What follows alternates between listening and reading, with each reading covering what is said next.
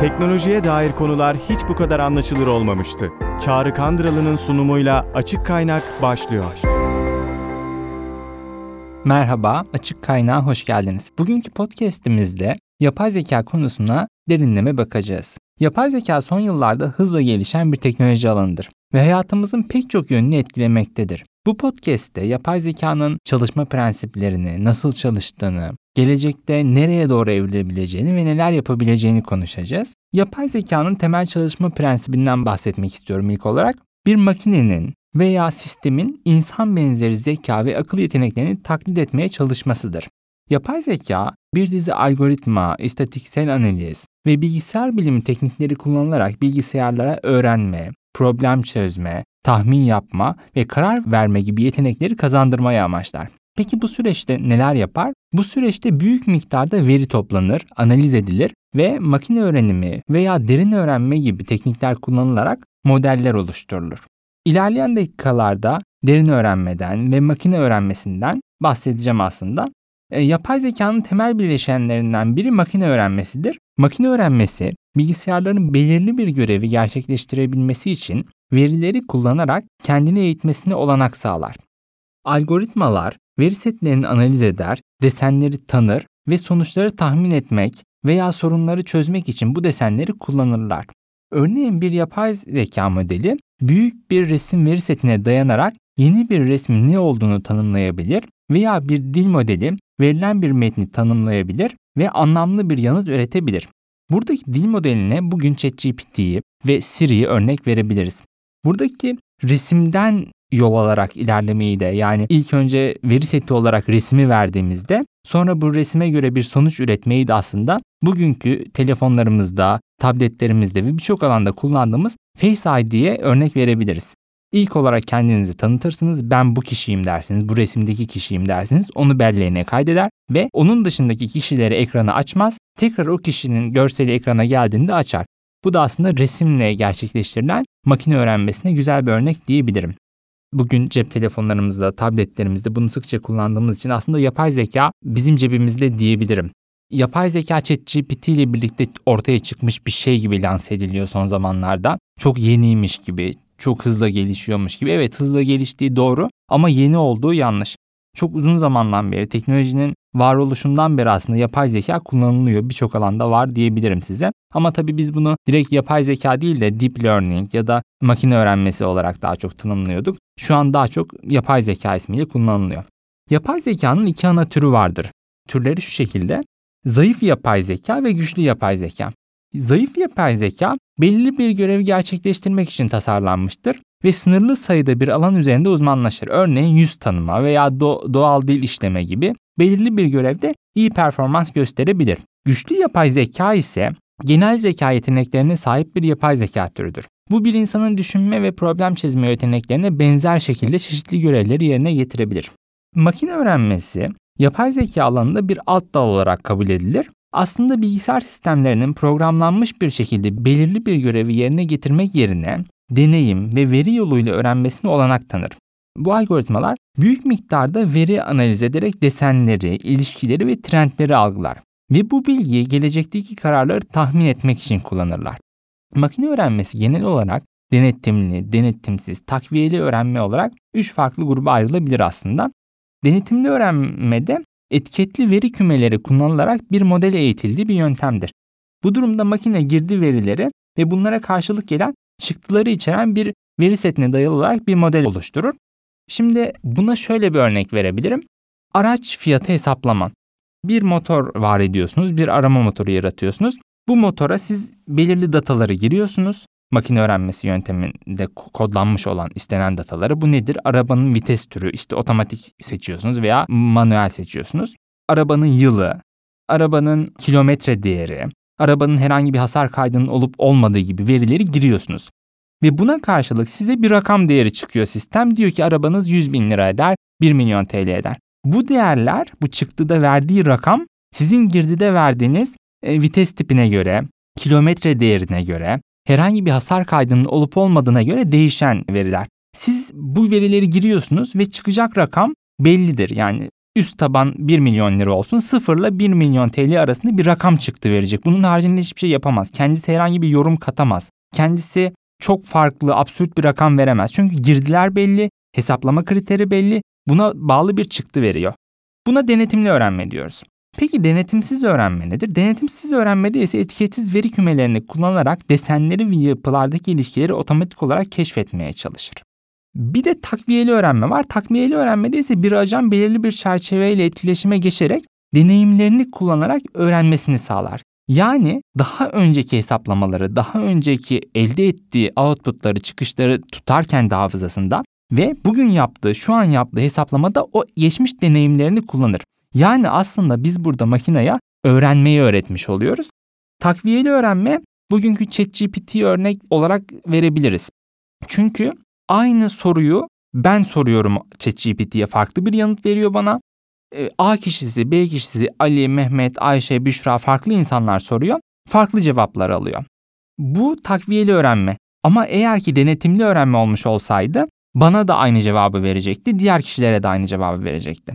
Farklı cevaplar veriyor olması zaman içerisinde kendisini geliştiriyor olduğu anlamına geliyor. Tabii bu gelişme bizim ona verdiğimiz yanıtlara, bizim verdiğimiz geri bildirime dayalı olduğu için aslında orada manipülatif bir yan da olmuş oluyor. Eğer ki o geri bildirimler yanlış olursa tümden aslında orada verdiği yanıtın yüzde oranını da kötü etkilemiş oluyor. Yani diyelim ki 1 milyon tane data var. Bunun 600 bin tanesi yanlış cevap olarak ona verilmişse aslında burada makine yanlışı öğrenmiş oluyor ve yanlış cevap vermeye başlıyor. Buradaki yapay zekanın doğruluğu ve yanlışlığı aslında insanlara bağlı.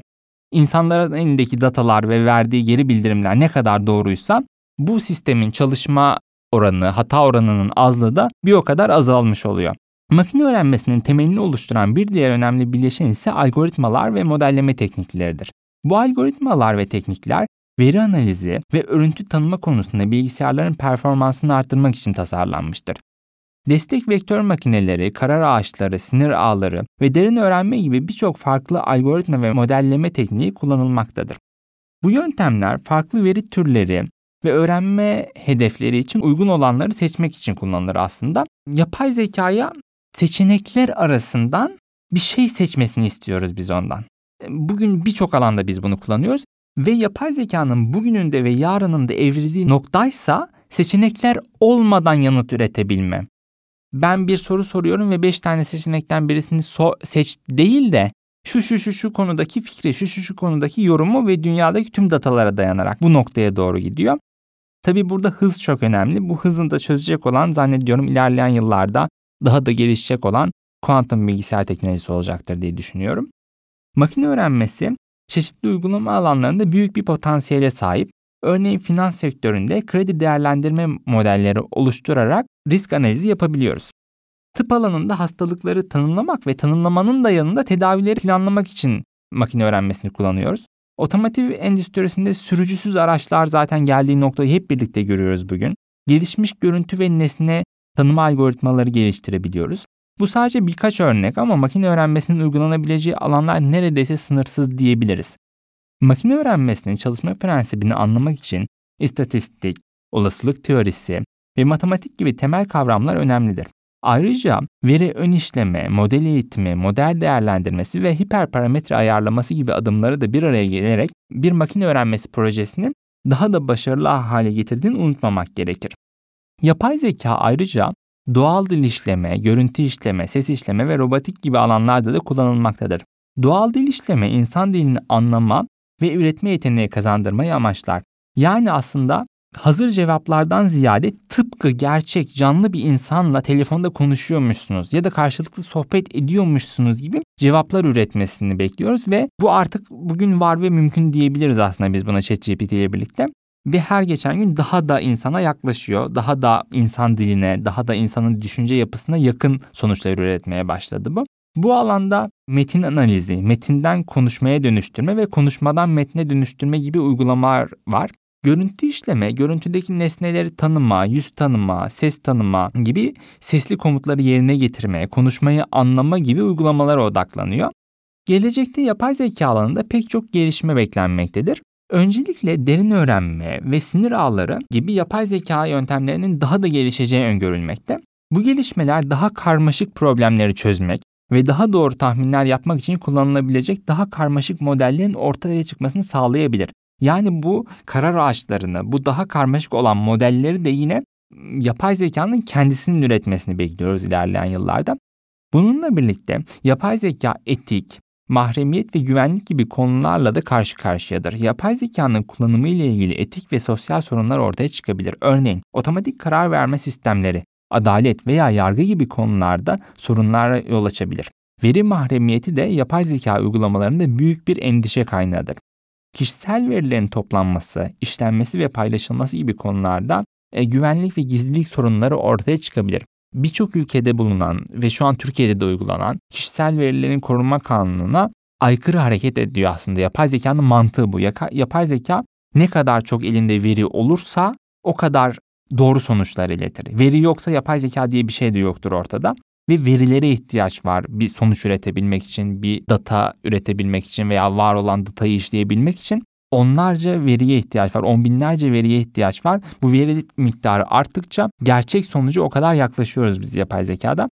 Ama bu verilerde benim ona sorduğum sorular, bir başkasının ona verdiği cevaplar, bir başkasının yazmış olduğu metin, bir başkasının fotoğrafı, bir başkasının sesi. Bu da Türkiye'deki şu anda ve birçok ülkede kullanılan kişisel verilerin korunmasına ilişkin yasaya karşı aslında. Ama bununla ilgili yani bunun bir sınırı olacağını düşünüyorum ben. Bir noktaya kadar evet kişisel veri ama bir noktadan sonrası aslında kişisel veri değil. Bu bilgiler topluma ait veri gibi kabul edilebilir. Bununla ilgili dünyada ve ülkemizde ilerleyen yıllarda çalışmalar olacağını öngörüyorum ben şu anda. Çünkü yapay zeka çok hızlı bir şekilde ilerliyor ve bu karar verme mekanizmasını bir yerde frenlemeleri gerekiyor. Bunu da yapay zekaya zarar vermeden yine aynı şekilde etkinliğini devam edecek ama kişisel verileri de koruyacak şekilde aynı anda ikisini de yapacak şekilde bir tasarıya gideceklerini düşünüyorum ben. Bu benim şahsi fikrim. Burada bu noktada da sosyal veri nedir, kişisel veri nedir bunun ayrımının daha net bir şekilde yapılacağını, daha keskin bir şekilde yapılacağını düşünüyorum. Gelecekte yapay zeka sağlık sektöründen ulaşım sektörüne, tarımdan eğitime pek çok alanda önemli bir rol oynayabilir. Örnek vermem gerekirse yapay zeka destekli robotlar cerrahi operasyonlarda kullanılabilir.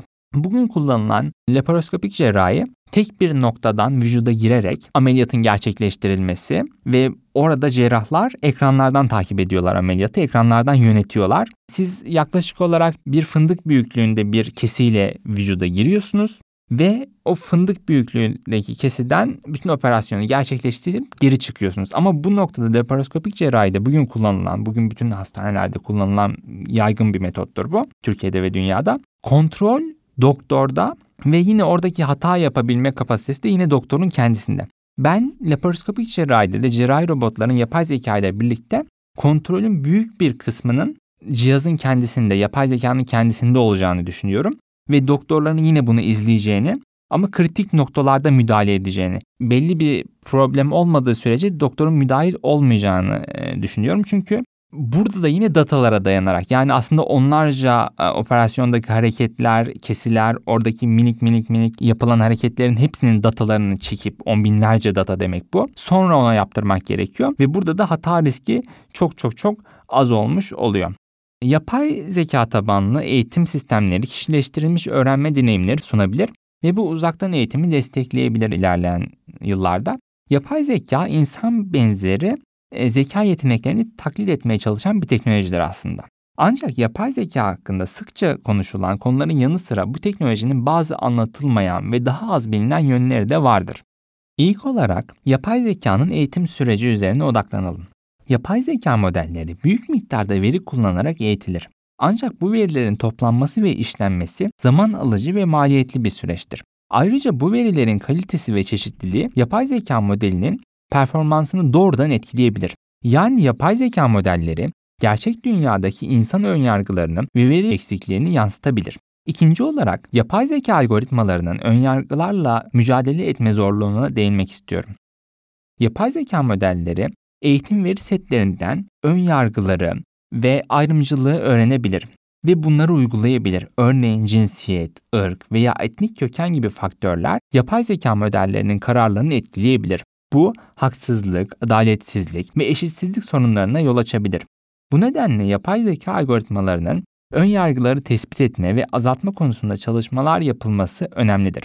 Yani aslında yapay zeka dediğimiz şey şöyle bir şey.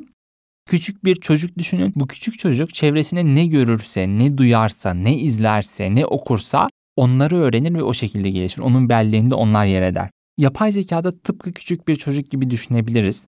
Dünya basınında ne geziyorsa onları görür. Literatürdeki kaynaklarda, makalelerde, kitaplarda ne yazıyorsa onları görür. İnsanlar e, arama motorlarında ne arıyorsa onları görür. Sosyal medyada ne dolaşıyorsa onları görür. Tüm internet ortamında ve dünyadaki bütün verileri açık bir kaynak gibi düşünebiliriz. Ve bunlar ne kadar, burada ne, burada savaş çok konuşuluyorsa savaşı öğrenir. Burada ırkçılık, burada etnik köken, burada cinsiyetçilik gibi faktörler varsa bunları daha çok öğrenir ve bunları uygular. Bunları yazdığı metinlerde, ürettiği metinlerde, bize yaptığı yorumlarda, yaptığı analizlerde bunları kullanır. Ama daha eşitlik olursa, daha bilimsel veriler olursa daha bilimsel yaklaşır. Orada ne verirsek ona yakın çıktılar verir aslında diyebiliriz bu konuda. Son olarak yapay zekanın iş gücü piyasasına etkisine odaklanalım. Yapay zeka ve otomasyon teknolojilerinin gelişmesiyle birlikte bazı işlerin otomatikleştirilmesi ve iş gücünün değişmesi kaçınılmaz hale gelebilir. Bu durum bazı işlerin ortadan kalkması ve insanların işsiz kalma riskini beraberinde getirebilir. Dolayısıyla yapay zeka ile birlikte gelişen iş gücü dinamiklerini dikkate almak önemlidir. Sonuç olarak yapay zeka hızla gelişen bir teknoloji alanıdır ve gelecekte hayatımızın pek çok yönünü etkilemeye devam edecektir. Ancak bir teknolojinin kullanımıyla ilgili etik, mahremiyet ve güvenlik konularına dikkat edilmelidir. Yapay zekanın potansiyeli büyük olsa da insanların refahını ve toplumların çıkarını korumak için uygun politikalar ve düzenlemeler oluşturulması önemlidir. Bu podcast'te yapay zekanın çalışma prensiplerinin nasıl çalıştığını, gelecekteki potansiyelini ve neler yapabileceğini inceledik. Umarım bu bilgilendirici bir ve ilgili bir çekici bir içerik olmuştur. Bir sonraki podcast'imizde görüşmek üzere.